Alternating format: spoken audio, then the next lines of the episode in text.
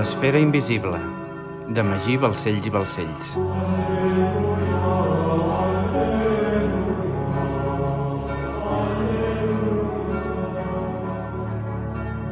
Capítol 10. Residència dinàstica.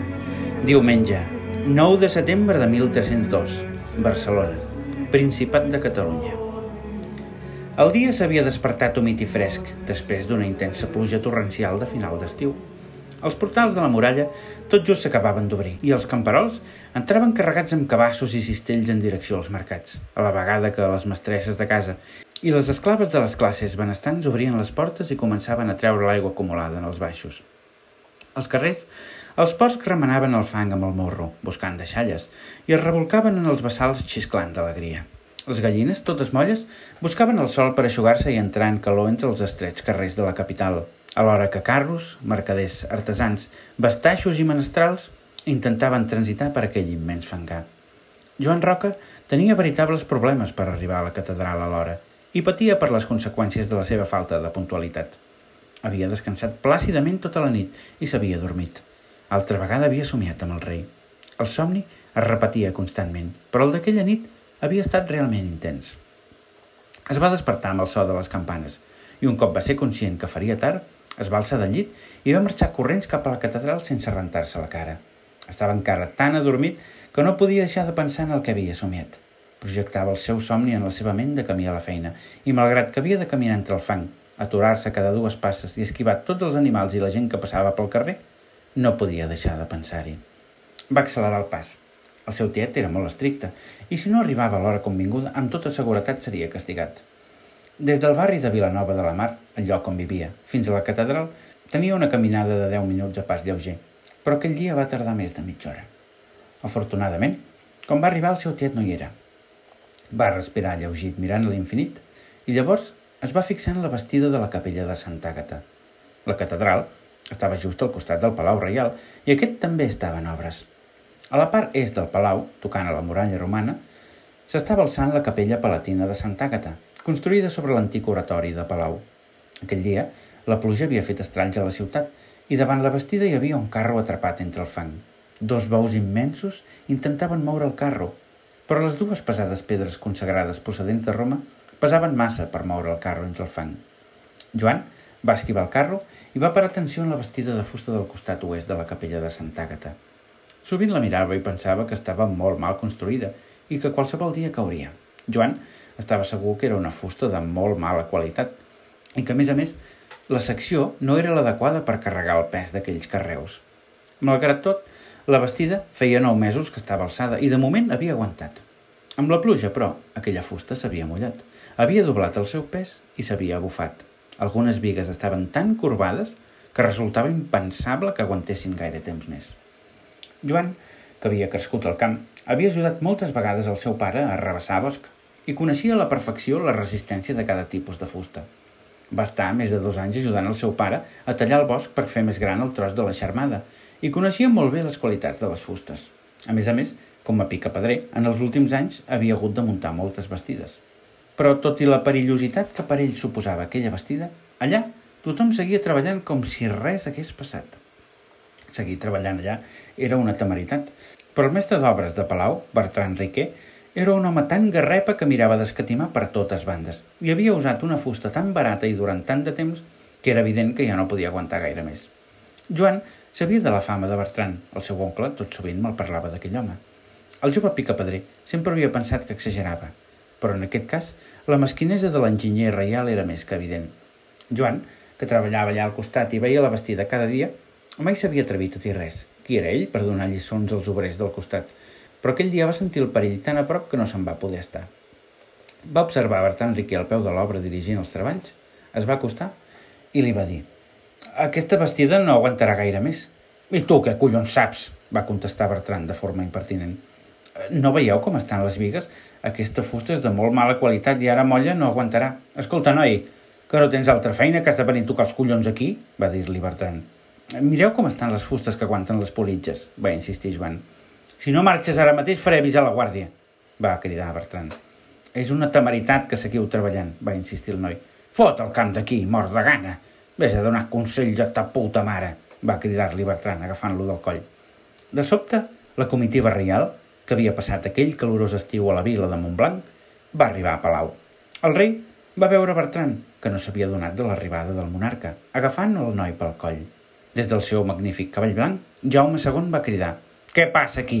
«Eh, eh res, majestat», va dir Bertran, agenollant-se. «Aquest noi que m'entorpeix la feina». Jaume II va desmuntar el cavall i el va deixar un escuder. Va mirar Joan fixament i aquest, extasiat per la mirada del rei i agenollat en el fang, va dir «Majestat, només advertia que seria necessari fer una vestida nova. Mireu com estan les fustes». El rei Jaume va mirar les fustes i es va donar que algunes d'elles estaven totalment corbades i bufades. Després va mirar Bertran i li va dir «No s'haurien de canviar?» «No, majestat, sempre he usat aquesta fusta en les meves construccions i sempre ha resultat», va contestar Bertran. La secció d'aquesta fusta no és l'adequada i ara molla pesa el doble. Es trencarà, va insistir Joan. I aquest carro? va preguntar el rei.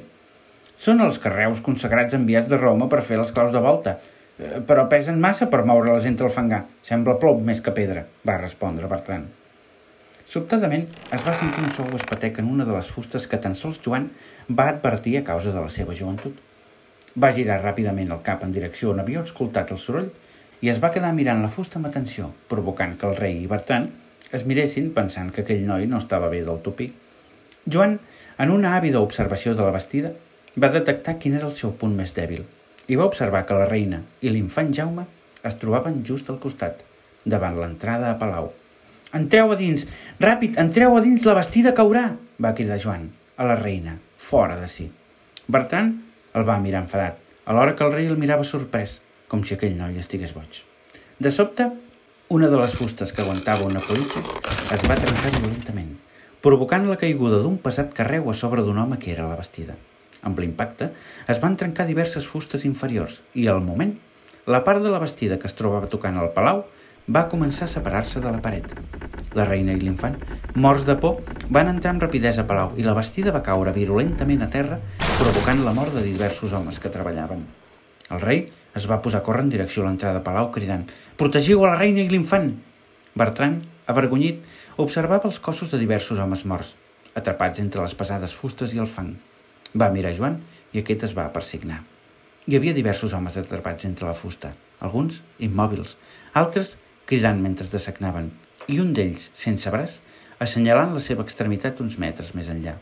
Un home tenia el cap esclafat per un carreu i es podia observar com diversos trossos del cervell sobresortien d'entre el crani. Joan no ho va poder reprimir i va vomitar davant d'aquella atrocitat. Feu venir el noi, va cridar el rei. El jove picapedrer es va acostar atemorit cap a davant del palau, passant molt a prop dels homes morts entre la fusta. Va observar que tenien les cares completament deformades. Algun, fins i tot amb la pell arrencada. Era escarrifós. «Com et dius, noi?» va preguntar-li el rei. «Em dic Joan Roca, majestat. Soc picapedrer de la catedral, afillat d'un cònsul del gremi de constructors, Gelabert Roca. Acabes de salvar les vides de l'hereu a la corona i a la reina. Estic eternament agraït amb tu. Acompanya'm va dir-li el rei des de la porta de Palau. Joan es va acostar a la porta, tot contemplant el gran arc de mig punt amb immenses dovelles i l'escut reial al mig. El rei el va fer entrar i es van posar a caminar per unes immenses estances. Joan, en un sol instant, havia passat d'un sentiment de por i angoixa a una felicitat extrema. Estava caminant amb el rei pel Palau Reial. Era un somni fet realitat. No podia ser que allò estigués passant de veritat. El Palau Reial era un gran edifici rectangular, auster i elegant, de gran puresa formal. El seu aspecte actual no tenia ni 100 anys, però el cert és que feia quasi 400 anys que aquell indret era la seu i residència dinàstica de la Casa de Barcelona. Van entrar a una gran sala amb volta de canó. Joan estava embadalit. Era preciós. Aquella sala servia de rebedor i distribuïdor. Una gran escala amb una refinada barana de ferro forjat pujava cap al primer pis i tres grans portes es distribuïen simètricament a cada costat. Estava adornada amb pintures murals de l'exèrcit, tot quadribarrat, que commemorava les conquestes de Mallorca i València, les vespres sicilianes i les victòries catalanes contra Capets i Angevins en la croada contra Aragó. Van pujar per les escales i després es van introduir en un pati interior que formava un petit claustre a dues altures, conformat per arcs de mig punt i capitells esculpits amb les cares dels comtes de Barcelona.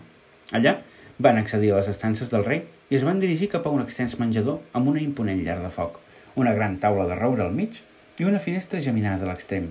Joan es va donar que era la mateixa finestra que tot sovint observava des de la catedral.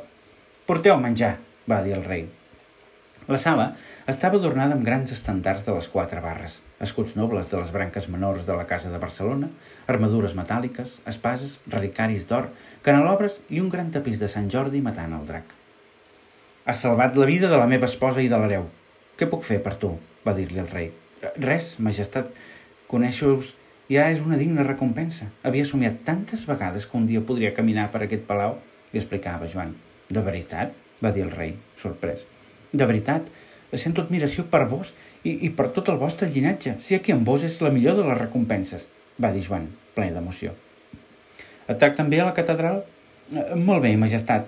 Adoro la meva feina. A més a més, el mestre d'obres és el meu tiet i tutor. Eh, no em falta de res. Molt bé. Eh, de totes maneres, vull que sàpigues que per qualsevol cosa que necessitis, les portes d'aquest palau sempre estaran obertes per tu. El rei es va alçar, va obrir la porta i va dir a un dels seus oficials, un tal Ramon Montaner, que escrivís un permís de Parlament amb el rei a favor del noi. Joan, mentrestant, es va acostar a la finestra per veure el seu lloc de treball des d'allà. Un cop Montaner ho havia escrit, el rei ho va signar i ho va donar a Joan. Guarda aquest document.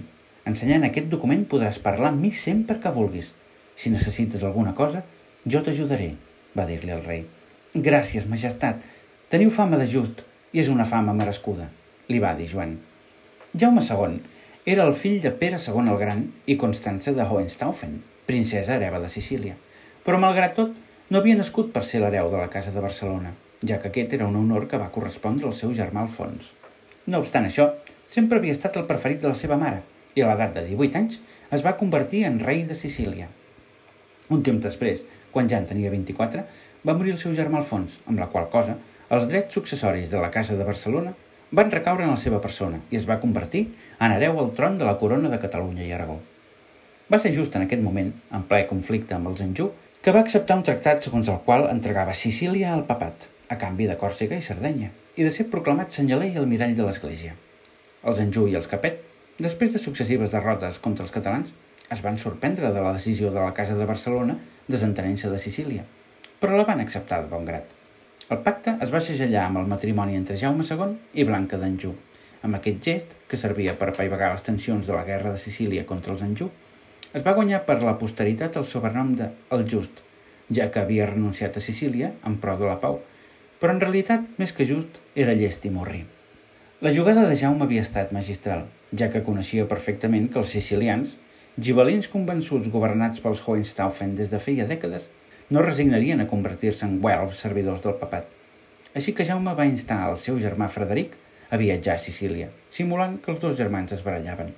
Com era d'esperar, el Parlament i el poble sicilià es van rebel·lar contra el papat i els angevins. Van reconèixer a Frederic com l'hereu legítim al tron i el van proclamar rei. Jaume II va argumentar que ell no havia incomplert el tractat, ja que havia renunciat al tron de Sicília i va acusar el seu germà d'usurpador.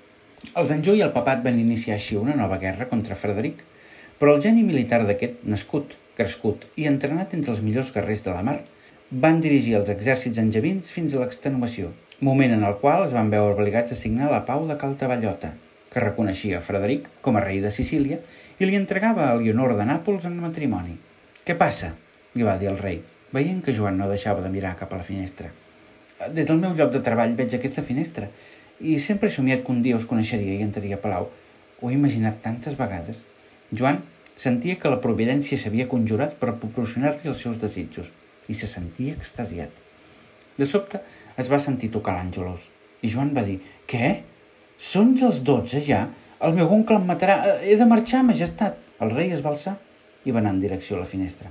«Acosta't», va dir-li. «El teu oncle no s'enfadarà perquè hagis arribat tard. Ja veuràs». De sobte, el rei va obrir la finestra. Un dels obrers que era baix, en veure'l, va començar a cridar «El rei! El rei!» Tots els obrers van deixar el que estaven fent i es van posar a cridar i a alabar sa majestat. Gelabert va mirar en direcció a la finestra i es va quedar estorat en veure el seu nebot amb el rei. «Escolteu!» va cridar el rei en direcció als homes de la catedral. «Avui, el vostre company Joan Roca ha salvat la vida de la reina i l'infant Jaume, l'hereu de la corona. Per aquest motiu, des d'avui, proclamo que aquest noi és amic meu i que tot aquell que no el respecti, que l'escridassi o que el reprimeixi, veurà caure tot el pes de la llei sobre la seva persona. Llarga vida, Joan Roca! Tots els obrers van començar a aplaudir i a cridar el nom del jove mentre Gelabert no podia contenir les llàgrimes d'alegria. Joan estava completament fora de si. No s'ho podia creure. El seu somni s'havia fet realitat.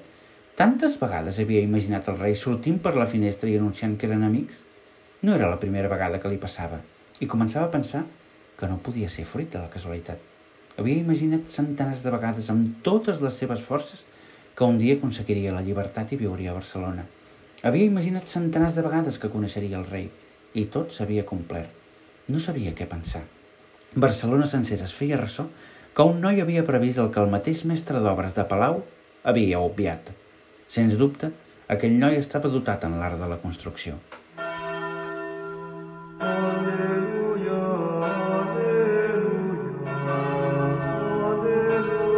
L'esfera invisible, de Magí Balcells i Balcells. Aleluia.